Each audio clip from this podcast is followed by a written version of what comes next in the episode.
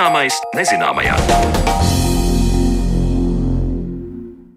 Esiet sveicināti raidījums zināmais nezināmajā un Sandra Kropa, kā jau ierašajā laikā kopā ar jums, un šoreiz, lai parunātu par to, cik tad aktuāli vai neaktuāli mūsdienās ir dažādi dišciltīgo tituli. Kā pie tādiem var kļūt un varēja kļūt citos laikos, saruna ar mākslas vēsturnieku Ivantu Lansmanu jau pavisam drīz, taču līdz tam vēl palūkosimies uz to, kāda savulaik bijušas zemnieku kārtas iedalījumi tepat Latvijas teritorijā, kad zeme bija sadalīta muižās.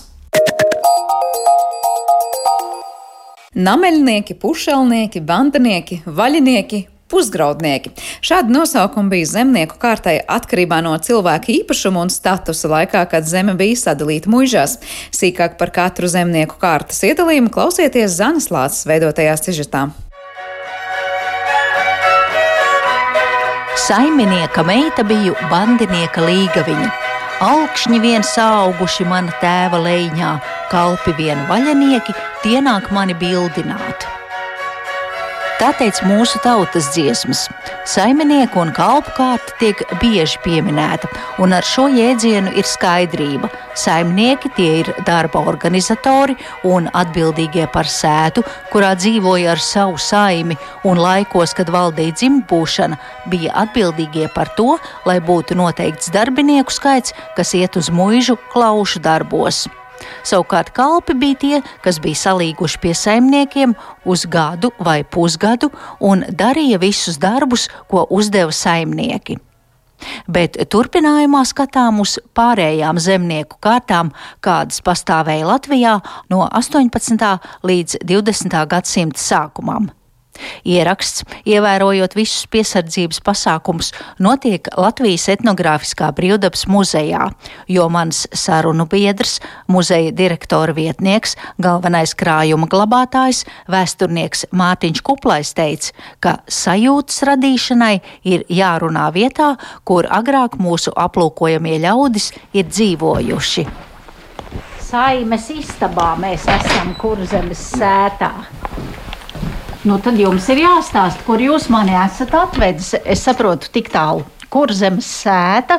Saimes istaba. Jā, bet laikam par eh, zemnieku kārtai piederīgajiem jāsāk ar mūžu. Jo mūžā bez tiem augstzimušajiem bija vēl arī zemnieku kārtas cilvēki, vai tie bija kalpu statusā, Viņus tad atalgoja, vai arī bija kalpi, kuriem mūža deva bandu. Respektīvi, zemes gabaliņu, ko apstrādāt, acīm redzot, no mūžas arī atnācis uz zemnieku sēdes šis nosaukums bandinieks. Kaut gan arī lietuviešu valodā ir ļoti, ļoti līdzīgs vārds. Es īsti lietuviešu nepārvaldu, bet tas tikai varētu liecināt, ka varbūt ka šis vārds ir vēl senāks par mūža laikiem. Nu, pārējie Mūžs norīkotie cilvēki bija vagars. Vagars bija zemnieku kārtai piederīgais, parasti kāds no saprātīgākajiem un turīgākajiem saimniekiem, kuram par to nebija jāpild klaus, bet bija jāuzrauga vispārējie mūža ļaudis. Man jautājums ir par tiem bandiniekiem, bet citvietas esmu atradusi informāciju, ka bandinieki arī bija tie, kuri dzīvoja jā. pie saimnieka, jā, un saimnieks jā. viņam par to deva zemes gabaliņu, kur viņš varēja pats apstrādāt bandinieks. Jā, kā kurā gadījumā. Jā. Vienā gadījumā tas bija bandinieks, kuram tātad ir zemes gabaliņš, un viņš pilda, teiksim, sievieti klaušās uz mūžu. Neveiksmīgi bija tas, ka šim bandiniekam parasti saimnieks aicināja viņu palīgā tieši tajos karstākajos darba laikos. Bet uh, otrs, respektīvi, ļoti līdzīgi, ja faktiski tas pats bija arī nameļnieks. Nameļnieks tādā nozīmē, ka sevišķi 19. gadsimtā Beidzoties klasiskajām klaušām, ja lielie saimnieki nodalīja kaut kādu mazu pūrvietu, vai mazāk pat, vai divas pūrvietas zemes gabaliņu, kur eh, tas nameļnieks varēja, teiksim, pie tām lielajām saimniecībām gandrīz pie katras bija savs nameļnieks. Tad viņam bija savs zemes gabaliņš, bet viņam bija šī mājiņa, kas nebija viņa īpašums. Un tā piederēja saimniekam. Tā piederēja viņš... saimniekam. Kā viņš Nē, nu, norēķinājās? It, ar, ar darbu, protams. Un, ja tam nameļniekam apnika, viņš vairs nevarēja izciest, nu, tad viņš aizgāja teiksim, uz Liepājas drāžu fabriku strādāt ar visu ģimeni. Nameļnieks vai sinonīms būtu arī būdeļnieks. Tas ir tas pats. Jā, protams, tas neskaitījās sevišķi, ka nu, tāda pagodinoša nav. Nu, tad vēl bija vaļinieks, kas negribēja būt īsti par kalpu un kas centās kaut kādā veidā izdzīvot, ņemot nu, būtībā īrējot mūsdienu izpratnē kaktu šai saimnes istabā ar visu sievu. Un par to šim vaļiniekam bija jāatstrādā atkal noteikts dienas skaits un sievai kaut kāda darba. Un viņam arī saimnieks parasti iedeva kādu mazu gabaliņu zemes, ja ko apstrādāt. Jā, ar tiem vaļiniekiem vēl tāda lieta, ka viņi varēja būt amatnieki. Nu, un piebalgāt aušanas ziedu laikos bieži vien bija tā, ka tas vaļinieks bija viens no tiem, ko pieņēma, lai viņš austu tur. Ja? Nu, tad ir vēl pusgraudnieks. Pusgraudnieks tas ir viens no tādiem rentnieka veidiem, respektīvi saimnieks, kuram ir lielas zemes platības, kurš nejaudā viņu racionāli apstrādāt kādu daļu, teiksim, daļu saimniecības izdod uz pusgraudu zemniekam, kuram ir savi darbrīki, kuram ir zirgs, jā, un tad parasti tā norēķināšanās, ka puse no tās ražas visa ir tam īstajam saimniekam. Nu, tas ir ļoti smags un, un grūts tiem cilvēkiem, kas mēģināja šādā veidā izsisties. Nu, tad vēl ir tāds vārds kā iebūvietis. Nu, un ar tiem iebūviešiem Nevar teikt, ka tas katrs vaļinieks ja, vai, vai katrs bandinieks bija arī iebūvēts. Iebūvēts drīzāk bija tas, kas mēģināja un kuram arī bieži vien izdevās nolīst vai apsaimniekot novārtā atstātu zemes gabalu, un ar laiku viņu varbūt arī izveidot par saimniecību. Un tāpēc teiksim, tas vārds iebūvēts ja, pārnācis arī uz jaunākiem laikiem, un bieži vien ar viņu pat jaunsaimnieku apzīmē, ja, kā iebūvēt. Kaut gan jaunsaimnieks jau bija saka, juridiski dabūjis to zemi. Līdzīgi kā vaļinieki, kas pelnījās ar gadījuma darbiem, bija arī pirtnieki, kuriem nebija nekāda sakara ar šo mūsdienās populāro amatu. Pirtnieki bija ļaudis, kas dzīvoja pirtiņā un par šo mītnes vietu arī saimniekam atstrādāja. Tipiskus pirtniekus mēs sastopam Rudolfa Blaumaņa lugā, skroderdienas silmačos, auci un pičuku.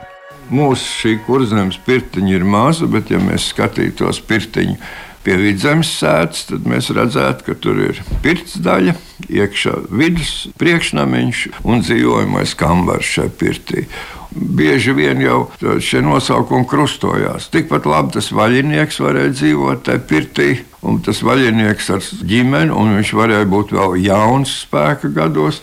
Un tikpat labi varēja būt, ka tajā pirtī dzīvo cilvēks jau krietni gados, ja, un neko arī var nespējīgs darīt. Ja, tāpēc ja, nu vienkārši kā tajās ļaužu revīzijās. Ja, Tā arī viņš ir, ir apzīmēts bādas stūbē. Tas nebūtu nenozīmē, ka viņš ir pirtnieks, bet eh, citā gadījumā, citā mājā, ja viņš ir tur nosaukts par vienkāju, nu, tādā nozīmē, ka, ka viņš nav saimniekotājs. Jā.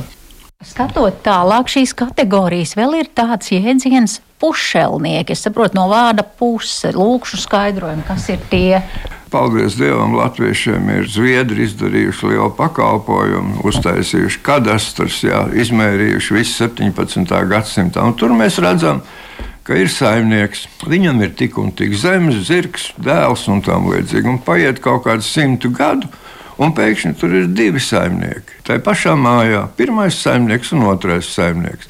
Tas nozīmē, ka iekopta lielāka zeme, vairāk cilvēku Un, lai no šīs vietas, no šīs saimniecības dabūtu maksimālo ekonomisko efektu, viņa faktiski ir sadalīta jau divās daļās. Un tur parasti ir tā, ka Latvijas apstākļos mēs vismaz maz zinām tādas fakts, ka tie abi saimnieki dzīvot vienā mājā. Viņiem jau ir katram sava māja, viņiem ir katram sava saime, sava lopiņa, bet juridiski šī zeme nav sadalīta līdz tam brīdim, kamēr notiek mērnieku laiki. Un visas tās peripētīs mērnieku laikos, nu, starp to pašu nabaga ķēniņu un pāvulu, ir tikai tāpēc, ka saimniekojuši jau viņi ir vairākās paudzēs atsevišķi, bet tagad nu, valsts ir nolēmusi, ka ir jāsadala, jānosprauž robežas un tad jāizpērk viņiem. Un tad arī viss tas sākās. Tie ir tie klasiskie pušelnieki. Un, protams, pušelniekiem varēja būt kaut kādā brīdī, tajā sākuma stadijā, ja, ka viņiem ir klēts ar diviem nodalījumiem kopīgi, ka viņi kopīgi rīju lietoja. Tātad šie pušelnieki faktiski ir viena nosaukuma sētas, divi īstie saimnieki. Mīļais kungs, dievs un pestītājs, tu nu redzi manu ceļu un zini, ka es nebraucu visu dzīdamies pēc pasaules godu un kārumiem. Pat lūdzu tikai to, lai tu dotu mērnieciņu cienīt tavam tādu prātu, ka viņš piešķirtu man, mana pušelnieka, dziļās ielais pļāviņu, nu zirņu kalnu tīrumiņu. Un to bērns ataudziņu toreiz otrējo mājas. Jāpiebilst, ka šajā sižetā runa bija par kurzemes un vidzemes zemnieku kārtām, jo Latgalē valdīja cits iedalījums. Tur agrāk sētas un kungu kalpu attiecības tika dalītas pēc Polijas un Lietuvas tradīcijām un vēlāk pēc Krievijas impērijas likumiem. Bet tas jau ir cits stāsts citai reizei. Par zemnieku kārtas iedalījumu stāstīja Latvijas etnogrāfiskā brīvdabas muzeja direktora vietnieks, galvenais krājuma glabātājs, vēsturnieks Mārtiņš Kuplais, un ar viņu sazinājās mana kolēģe Zane Lāce. Bet par to, cik aktuāli dažādi disciltīgo tituli ir mūsdienās, par to mēs runāsim raidījuma turpinājumā.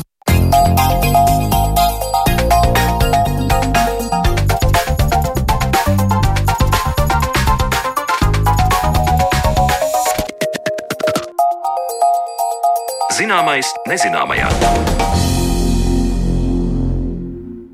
Pirms neilga laika raidījumā skaidrojām, kāda ir atšķirība starp dažādiem dišciltīgo tituliem, ar kuriem šodien drīzāk saskaramies filmās, grāmatās un vēstures stāstos. Taču izrādās grāfi un baroni ir sastopami arī mūsdienās.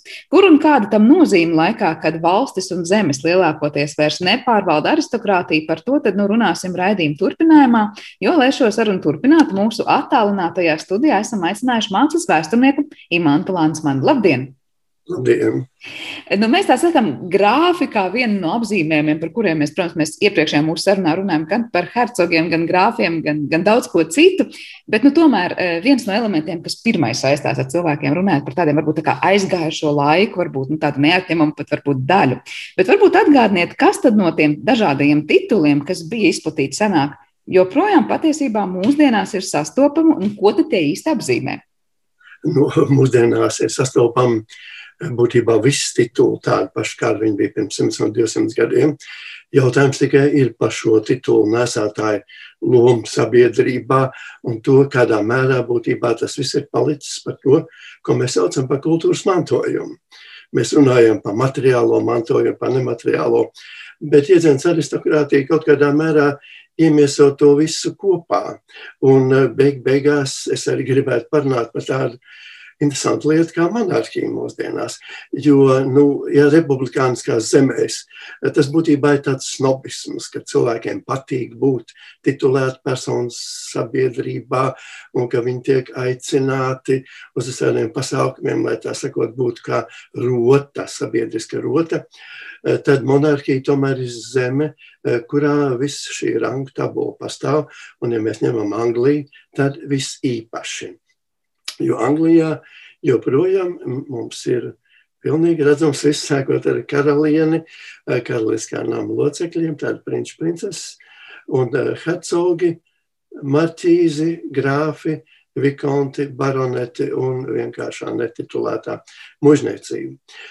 Un es vēl parunāt vēl par tādu lietu, varbūt mazliet tā ir novirza, bet viss pasauli tagad ir lielā mērā pārņēmusi diskusiju par to, eh, par to interviju, ko princis Harijs un viņa sieva Megan bija devuši Amerikā.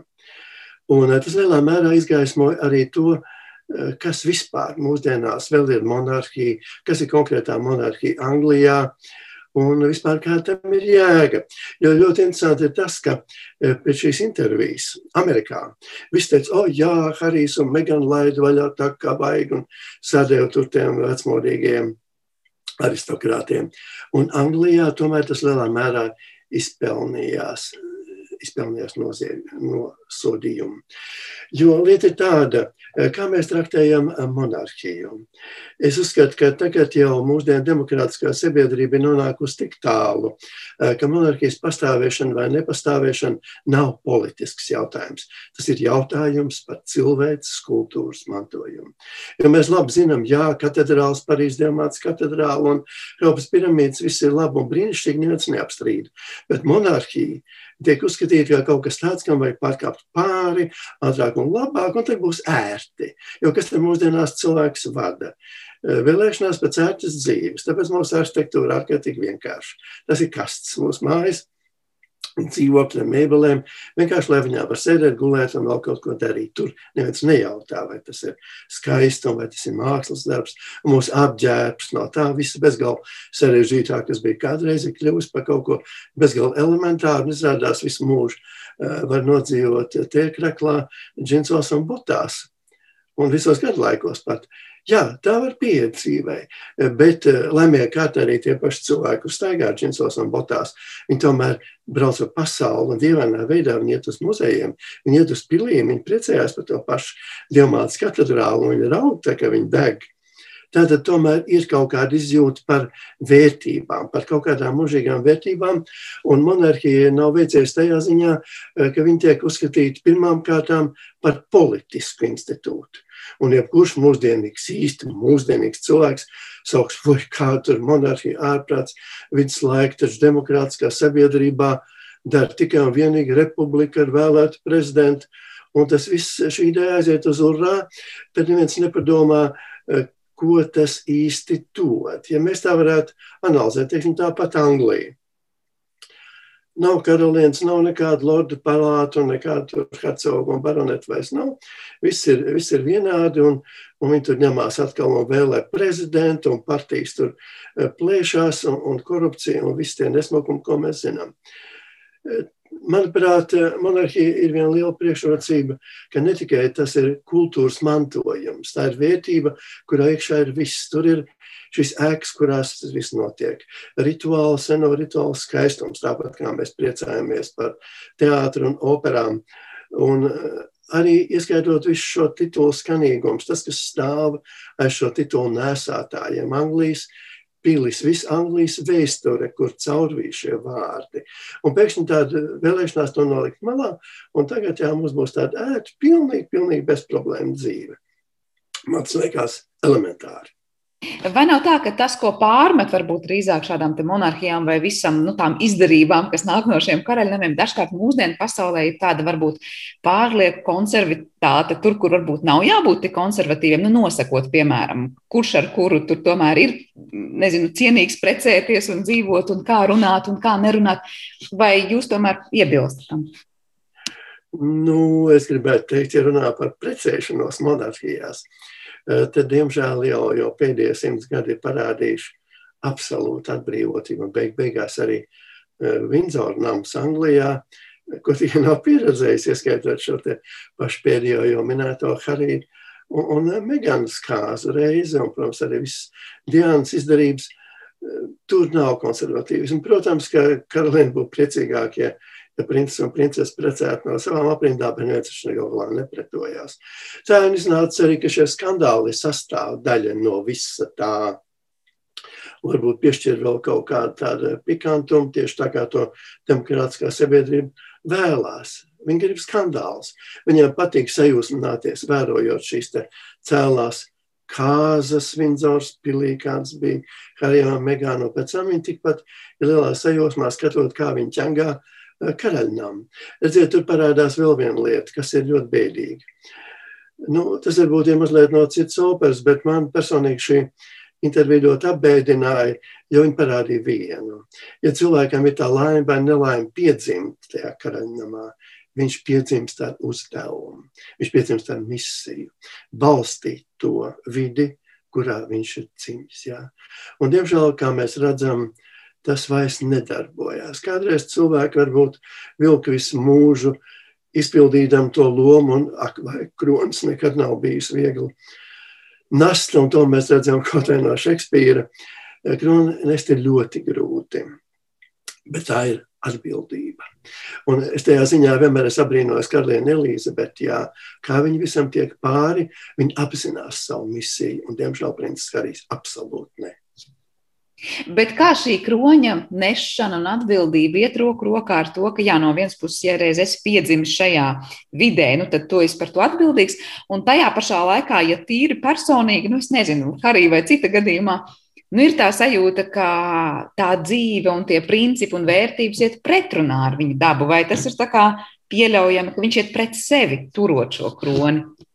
Es domāju, ka ļoti liela daļa iepriekšējos gadsimtos šo valdnieku un viņa ģimenes locekļu ir būtībā dzīvojuši traģisku dzīvi. Es vēlreiz uzsveru to.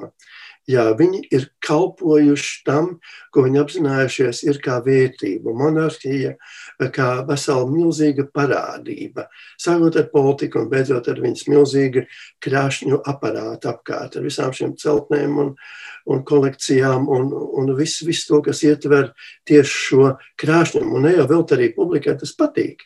Pasaulē izdod pietiekoši daudz žurnāls par aristokrātijas dzīvesveidu, un, un kur tad jā, arī maisaimnieces viņš šķirst un, un tīksminās, un tajā pašā laikā varbūt lietas, ah, tur tie, tie aristokrāti. Tas viss ir ļoti divdamīgi mūsdienās. Bet, bet, manuprāt, tiešām tagad vajadzētu darīt tā, kā monarhijas, vismaz daļu no viņām, pasludināt par daļu no pasaules kultūras mantojuma. Jo cik ārkārtīgi noplicināta būtu pasaule, ja visur būtu tikai republikas un, un visas šīs prezidenta vēlēšanas un viss tie nesmukumi, par ko mēs šausmināmies. Taču Amerikas eh, prezidenta vēlēšana kampaņa ir kaut kas pretīgs. Viņi vienkārši šķebina savu naudu, kas ir iegāzta ar visiem tiem propagandas gājieniem, ar kādiem tur cilvēks mēģina dabūt savā pusē. Kam tas ir vajadzīgs? Ja tajā vietā var būt kā reprezentācijas elements, ja, lūk, valdnieks, ja, kurš zina, kurā brīdī kas ir jādara, un ministra kabinets, tad rīkojās.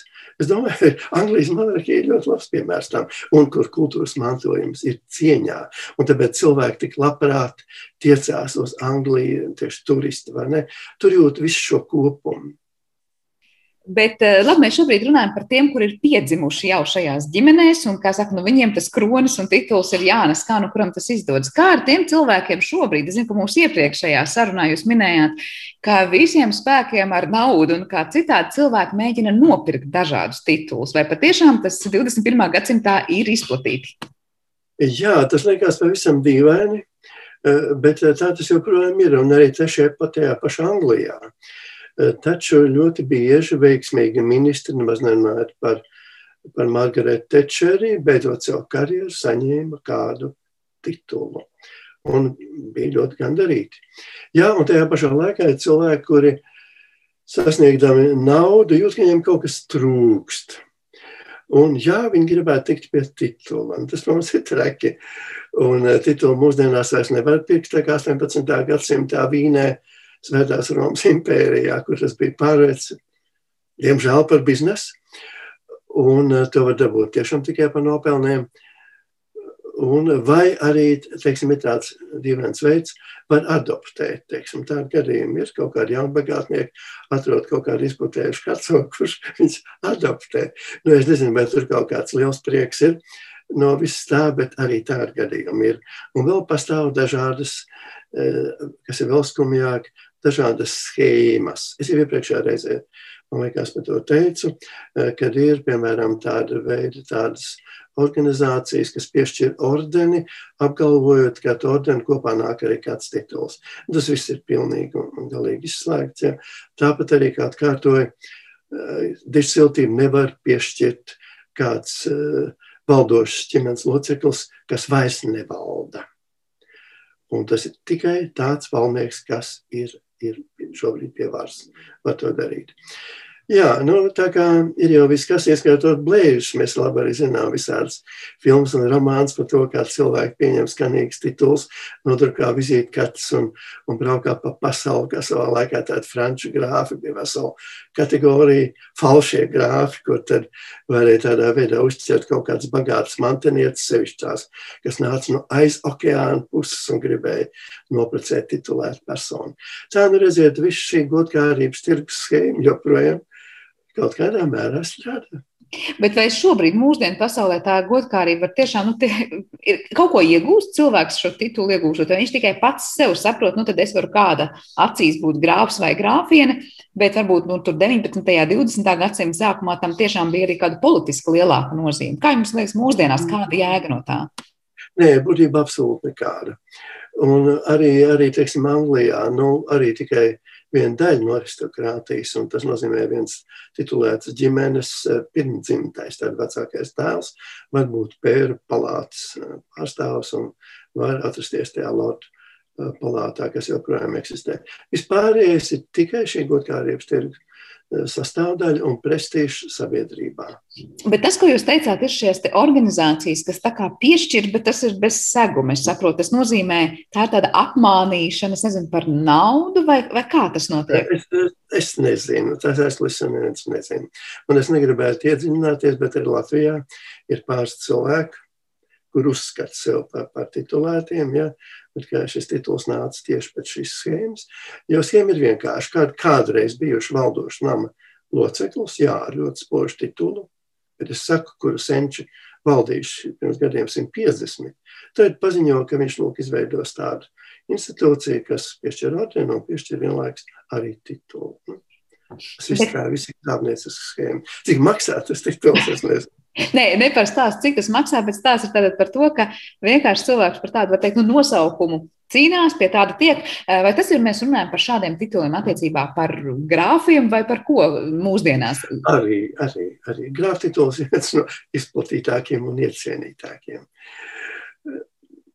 Nu, ko tur var teikt? Es jau iepriekšējā reizē teicu, nu, ka īstā aristokrātija ir ļoti jauki cilvēki. Mums arī ir arī nejauki un ir visādas lietas. Es arī gribētu teikt, ka varbūt mazliet tāda atkāpe par Anglijas karalisko namu, ka viņiem kaut kā nav veicies un ka šiem Vindzoriem skandāli nākuši ļoti daudz un ne tikai pēdējā laikā. Un es gribētu atgādināt, ka karalis Eduards 7. kurš attiecās no troņa un kļuva par Vindzoras hercogu. Un pēc otrā pasaules kara nāca klajā kāda pavisam nesmuka lieta. Izrādījās, ka viņi bija piedāvājuši savus pakalpojumus tādā veidā, ieliek sludinājumu, ka par tādu un tādu summu eh, nu, ļoti ietekmīga un skaista vārda persona var būt jūsu rīcībā un kuplināt jūsu pārtīs un jūsu pieņemšanas. Un uh, turpat dāvaniņu varēja nopirkt un, un protams, nopirkt tas uh, apdāvinātais, bet viņi pasniedz Vindzors hercogs ar Vindzors hercogiem. Un, protams, uzreiz redzīgais pasākums ieguva pilnīgi citu līmeni. Nu, ļoti skumji, ja, ka bijušais karalis Edvards VII varēja tik tālu nolaisties, un tas jau rāda tikai to, ka es gribu uzsvērt, ka es nesaku, jā, ka aristokrātija no viss piedzimst kā brīnišķīgi cilvēki pilni ar tikumiem. Tie ir tādi paši cilvēki kā citi, un varbūt kaut kādā mērā viņus vēl vairāk dīda viena lieta un tā ir nauda. Jo tas iet cauri gadus, gadsimtiem, ja ne gadu tūkstošiem. Mēs redzam, kādā veidā arī no pasaules politiskā dzīve monarhija ietvaros ir saistīta ar to, kā viss aristokrātija cīnās ne tik daudz par varu, kā viņi cīnās par naudu. Stāvēs varas. Jā, tas ir dzinols vienmēr bijis, un uh, Un cilvēki ir cilvēki, un šis aristokrātijas iedziens ir tikai viena, vienas cilvēku grupas īpatnība, kas kaut kā ir izdzīvojis līdz mūsu laikiem, un izrādījies arī tomēr vēl iedarbīgs mūsdienās.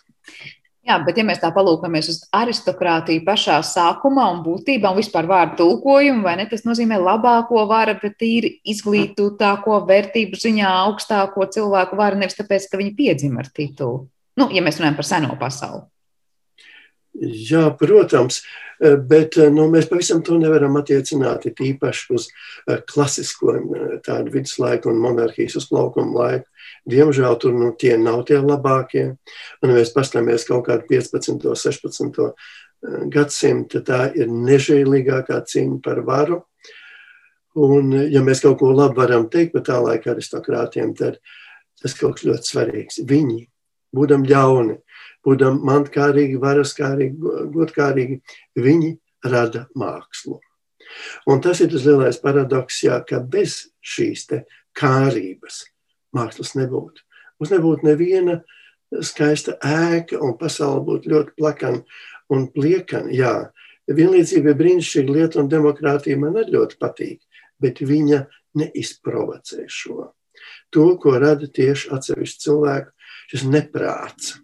Jo nu, arī, arī māksla kaut kādā mērā ir neprāts. Un tam pretī jābūt savukārt ir pasūtītājiem. Nu, ko varētu darīt Leonardo, Michelangelo un Rafaels? Ņemsim Michelangelo. Nu, viņš neiet pats kaut ko savā mājā griezt saglabāt. Ir jābūt vienam galīgi trakam pāvestam, kas grib izcelties, un kurš, protams, arī nāk no aristokrāta dzimtas. Un viņš ir apliecināties, atstātais sevis kaut ko Viņš dod šo pasūtījumu. Iegāž milzi naudas. Ir bezgalīgi daudz aristokrātu, kur galīgi, galīgi izputēja. Un nevis tāpēc, ka viņi to notriec kārtīs. Nē, viņi gribēja uzcelt pili, gribēja uzcelt kādu skaistu katedrālu, kas palikt aiz viņiem. Vai pasūtīt kādam ģīnijam brīnišķīgu skulptūru, kā teiksim, mediči. Vai mēs varam iedomāties, ir tāda renesans bez mediči ģimenes pienesuma. Tas ir tas ļoti sarežģītais un ļoti dialektiskais aparāts, kas ir jā, Jautājums vēl par to cilvēku uzvedību. Man šķiet, arī mūsu iepriekšējā sarunā mēs runājam, ka tāds nu, īsts grāfs vai aristokrāts jau patiesībā būs ļoti, ļoti savā uzvedībā nu, pieticīgs, ja tā var teikt, kur var, varētu nenojaust no malas skatoties, ka šis cilvēks tur kādā veidā dižotos ar savu titulu vai pārākumu. Kā tad īsti sanāk mūsdienās, nu, tā teikt, tie īstie titulu nesēji būtu tie, kuri būtu savā būtībā tādi nu, vispiezemētākie? Nu, tā tas ļoti bieži ir. Tas vienkārši saistās ar audzināšanu. To cenšas nu, iedvest, jā, ka izlekt un, un pauzēt un, un, un sev pa sevi atgādināt, ka tas ir prasti, tas pieder pie, pie ļoti sliktas audzināšanas. To bērniem iemāca un, un vairumā gadījumā arī to ņem vērā. Un es patiešām neesmu redzējis nevienu cilvēku, kurš kā titulu nesēja, kurš kaut kādā mērā izrādītos un, Nē, nē, tas ir ļoti, ļoti pieticīgi un arī ārēji. Tas interesanti tas, ka, piemēram, tagad arī Baltijas mužniecības pārstāvi eh, parasti parakst, parakstās bez titula vairs. Nu, savā vidē tas vēl darbojās, bet tā, piemēram, viņi kaut kā to rakstāja sūta avīzē, nu, tur varbūt priekšā, piemēram, tas V ar punktu, ja tas fonds saīsinājums, Nu, bet tituls tad gan ir nekad, un tas ir tiešām savai videi, bet lai neizlektu. Bet, nu, protams, ir izņēmumi, vai kāda tikai nav. Tas pats monāko princeses Karolīnas vīrs, tas Hanovers princis. Ārprāts, jā, nu, tik lecīgs tips un ar tādu mīlestību uz skandāliem. Sliktāk nevar vairs būt. Tā kā cilvēki ir cilvēki un būtu pavisam nāja pierakstīt aristokrātijai kaut kādas īpašības, sevišķi labas īpašības. Bet nu, vienkārši 20. gadsimta pieredze un pakāpeniski arī tāda izputēšana, viņš ir piespiedusi nu, atrast pareizo nišu ar savu pašvērtību, bet ne ar ārēju izcelšanos. Un beig beigās ir jau ļoti maz vairs tādu aristokrātu, kur var dzīvot ar vērienu, kurībā tā ir kalpošana vai no nu savas dzimtas rezidencē. Un dažkārt ir pilnīgi skumji redzēt, kā viņi tajā pašā Anglijā tur pūlās to visu noturēt un, un, un pārņemt to mantojumu pie, pie šī mantojuma nodokļa, kurš ir kaut kāds, man liekas, 90% kaut kas neiedomājams, ko par jau visu mūžu maksā. Jā, tā kā tas ir dialektiski. Jūs minējāt šobrīd arī šos pie uzvārda fonu kā, kā vienu no pazīmēm. Kā īsti mūsdienās mēs varam pēc uzvārdiem pateikt, kurš tad ir šī kāda titula nesējs, vai šie van vai fon vai de kaut kādā mērā kaut ko nozīmē? Uh, nu, tur ir jau vienīgi jānodala. Van, ne, protams, ka Van Gogs nav mužnieks, tā ir uh, holandiešu valodas īpatnība. Bet uh, visi vācu kultūra telpā sastopamie fondi nozīmē, jā, protams, arī Ursula Fonderleina, protams, ka tas ir, tas ir mužnieku sastāvdaļa, un kas joprojām ir uzvārdu integrāla sastāvdaļa. Ir jāņem vērā arī tas, ka dažkārt mūsdienās arī Latvijā ļoti bieži viņas atmet šos fondus, bet tas nav pareizi, jo pasē šiem cilvēkiem visiem tas fonds ir iekšā. Jo 1918. gadā sabrūkot Vācijas impērijai, eh, tad eh, sāka rakstīt, eh, tomēr fonds saglabāja un titulu rakstīja aiz vārda. Tāpēc arī mūsu draugs, princis Bīrons, tagad ir viņa tituls ir nevis Prince Ernst Johann Bīrons von Kurland, bet Ernst Johann Prince Bīrons von Kurland. Tas nozīmē, ka tituls Prince ir uzvārda sastāvdaļa. Un pasē tiešām arī viņam tā ir, tā ir ierakstīts. Un, jā, un de arī izņemot Beļģiju, kur tas vienmēr nenozīmē, tāpat kā Holandē, mūžniecību. Nu, Anglijā tas ir ļoti sarežģīti. Anglijā jūs nevariet nezinot, kas cilvēks ir, kas ir viņa tēvs un vectēvs, vai viņš ir mūžnieks vai nav. Iedomājieties, ka Winstons Čečils ir Marlboro hercoga jaunākā dēla dēls. Bet viņš ir vienkārši Sērs Vinstons Čurčils. Un tā ir Anglija patnība. To titulu manto tikai vecākais dēls. Turpretī, teiksim, Vācijā visi. Visi ir grāfi, visi vienīgi hercogi nav, visi tad bērni tiek saukt par prinčiem, princesēm. Un tāpat arī kā, kā Krievijā, teiksim, visi ir kņazi. Un vienīgi, ko es gribētu vēl minēt, lieta, ko ļoti bieži nepareizi raksta, transkribējot eh, Krievijas sieviešu titulu ar šo, šo titulu nesējis.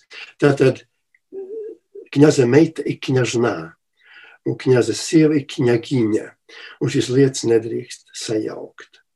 Tāpat arī kā eh, barona meita ir baronesa, un barona sievi baronim, ko attiecīgi latviski ir vēlams tātad baronese un baroniete.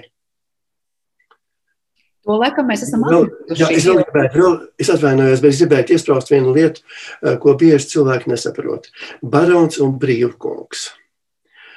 Un eh, tā ir tāda interesanta eh, lieta, kas būtībā ir daļai politizēta, sākot ar 19. gadsimtu un visīpaši Baltijā.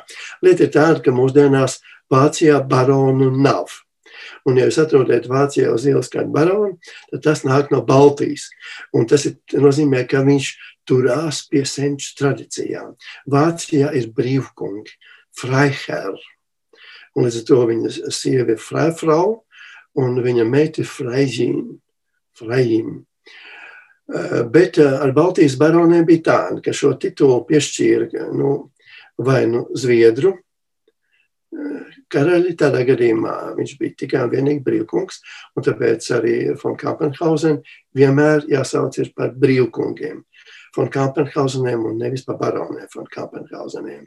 Bet tad, kad nāca vislielā baronizācijas tā kampaņa 19. gadsimtā, tad Baltijas baroni kļuva par baroniem, izjūt no franciskā barona titula kas bija pieņemts Krievijā. Krievijā nav brīvkungu jēdzienu. Un kas ļoti interesanti, jūs varat 19. gadsimta otrā pusē iet vienā, teiksim, barona von Hāna vai uh, barona von Bēru kaut kādā kapsētā, ja nu viņa nav izdemolēta.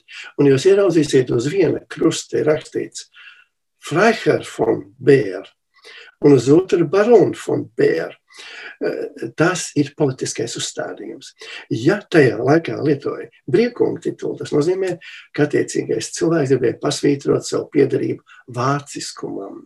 Un tas bija drusku tāds disidējošs izliciens, nu, jo viņa tas Krievijā atzītais tituls bija barona un nevis brīvkunga tituls. Bet vai uzrunājot šos cilvēkus, tas tituls arī mūsdienās, piemēram, būtu vienmēr jāsauc klāt, vai tas ir nepiedodami, ja mēs vienkārši sauktu, nu, nosacīt vārdā? Tā ir ļoti interesanta lieta, jā, par ko varētu parunāt eh, par uzrunām. Eh, jā, tā ir tāda smalka spēle un atkarās vienkārši no jūsu attiecībām ar attiecīgo personu, arī to skaitā arī ar Baltijas mužniecībām, mužniecības pārstāvjiem. Vairumā gadījumu uzruna ir vienkārši fon. Jūs sakiet, jā, fon Bēra kungs, jā, un fon Hāna kungs, jo lietot titulu, titulu būtībā nozīmē kaut kādā mērā nostāties tādā stāvoklī, kā tas bija nedaudz pazemu, ne, zemākā stāvoklī. Teiksim, arī, ja vēl 20. gadsimta sākumā rakstīja herbaronu, tas varēja būt nu, gan vienkārši pieklājība starp līdzīgiem, bet varēja būt arī apakšnieka griešanās. Pie. Un mūsdienās ir ļoti dažādi. Katrā ziņā rakstot uz vēstulēm, tad priekšā parasti rakstājā Herbarun fon un tā tālāk. Tas vienkārši tā ir pieklājība. Tāpat kā ir vēl viena lieta. Piemēram, arī nu, es oficiālās vēstules princim Ernstam Johanam, viņa sievai, ar kuriem pie tā mēs esam uz tu, uz vēstulēm, es rakstu SD Ernst Johann Prinz Bidon von Kulan. Ko tas nozīmē? Zainās durchlaucht. Viņa gaišībai. Un, nu, it kā te divi burti SD, nu, necinu, nezinu, kas tas ir. Bet tā ir pieklājības forma, kas joprojām ir saglabāta. Un ko ievēro arī lielā mērā arī pat tādā valstiskā līmenī vai pusvalstiskā, tā ir tāda smalka spēlīte. Jo tas tāpat kā ar vēstniekiem, ka es rakstītu vēstniekiem vēstuli, būtībā būtu jābūt priekšā V.E. viņa ekscelencē. Tādam un tādam vēstniekam. Mm, pamazām noslēdzot mūsu sarunu, ir jautājums, man liekas, ar ko tiešām mēs sastopamies. Kāpēc Un kur ir atšķirība, un kur pareizi ir jāsaka viņa ekscelence, viņa augstība, jūsu majestāte vai jūsu gaišība. Kā tas, es saprotu, tur ir diezgan nianses, uz ko kas ir jātiec. Un es saprotu, ka daudzreiz filmās mēs uz to grēkojam. Filmās, tas ir filmās, kur galvenā nelaime vienmēr karalis un karalienes sauc par augstībām. Es atgādinu, augstības ir valdnieku bērni.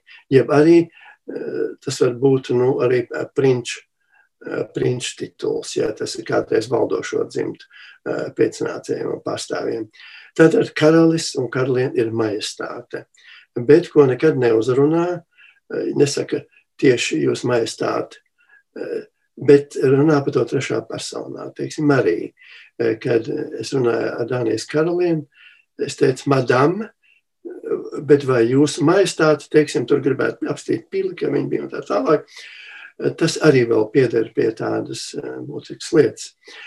Un tātad, es saku, nākošais ir augstība, un pārējie tituli jau vairs praktiski nav lietot. Teiksim, Anglijā tas His Grace, viņa žēlstība, nu to lieto tikai cilvēki, kur kalpo pie kāda hercoga, tas ir hercoga tituls. Un tad nāk atkal tur dažādas pakāpes, bet ko Anglijā arī liek tikai uz aploksnēm. Un pārējie tituli jau, nu, tie vairs faktiski nav. Un augstība arī.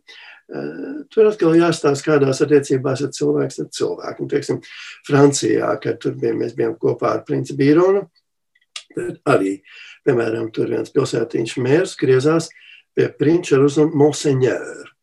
Tā, tas ir tituls, ko lieto valdošo namu pārstāvjiem. Bet uh, karaļa uzruna ir sir. Tāpat ir tas angliskais sir. Tā savukārt valnieku uzruna Francijā ir sir. Un savukārt arī uh, jāņem vērā, ka joprojām ir starpības starp karalisko augstību. Piemēram, Habsburgu namu locekļi tiek titulēti joprojām kā ķeizariskās un karaliskās augstības. Bet arī noteiktā nu, kaut kādā zonā. Tā vairāk ir vēsturiskā pieklājība un, un ļoti bieži arī, teiksim, oficiālās kancelēs, valstiskās organizācijas to vairs nedarīs. Jā, es vienkārši iedomājos, arī mēs šobrīd runājam par to, ka tiešām liekas tādas divas dažādas pasaules un laiki sanāk kopā. No vienas puses liekas, tā ir tāda senāka tradīcija, tās ir senākas uzrunas formas, bet tās joprojām tiek lietotas mūsdienās. Bet jūs pieminējāt arī, kurā brīdī tur to garo versiju vai īso saka cilvēkiem. Ja, piemēram, tagad princis Bīrons iet uz lidmašīnu mūsdienu, mūsdienu pasaulē, viņu sauks īsā versijā, kā jebkuru pasažieru vārdā un uzvārdā? Protams, protams, vienkārši fon Bīronu. Nu, tā es redzēju arī, arī ka viņi tur, teiksim, uzrunā cilvēku ar fon Bīronu. Tad cits saka, teiksim, Liber Prince, jā, mīļais princis, tas ir tā, tāda jau familiārāka uzruna, bet arī pilnīgi, pilnīgi pieņemama. Tad vēl franciski ir uzruna, ir tāda mon prince, manu princi, tāpat kā franči saka mon generāli manu ģenerāli. Un, protams, tas nav nekāds man, un es neesmu viņa eh, eh, padotais, bet tas ir tāda nu, pieņemta forma, ko cilvēki arī Francijā, teiksim, griežoties pie pavisam nepazīstamiem ģenerāļiem, nebūtu, nebūtu militāri personas. Tas ir atkal tādi paradumi, un viss atkarājās, protams, no jūsu attiecībām ar, ar attiecīgo cilvēku. Jā, nu, interesanti tiešām paskatīties un paklausīties šobrīd apkārt, kā kurā brīdī kādu uzrunā un tiešām mēģināt saprast, kādas attiecības aiz tās slēpjas un arī kāda ir šī cilvēka, tad, nu, ja tā var teikt, titulētā pakāpe. Teikšu jums lielu paldies par šo sarunu un ieskatu. Man tiešām liekas, ka dažādi laiki savijās kopā, bet parāda to, kas varbūt daudziem klausītājiem arī varētu būt pārsteigums, ka ne tikai tas, ka šie cilvēki eksistē un šie tituli eksistē, tā dzīve tiešām ir, ir reāli paralēli esoša dzīve ar visiem šiem vārdiem, uzvārdiem, tituliem un pareizajām, nepareizajām uzrunām. Paldies jums! Dzirdējām mākslas vēsturnieku Imantu Lansmanu šodien raidījumu zināmais nezināmajā pusstundā un atgādināšu, ka par raidījumu parūpējās producents Armīta Kolāta un mūzikas redaktors Girds Bišs un ar jums kopā bija es Sandra Kropa. Uz tikšanos!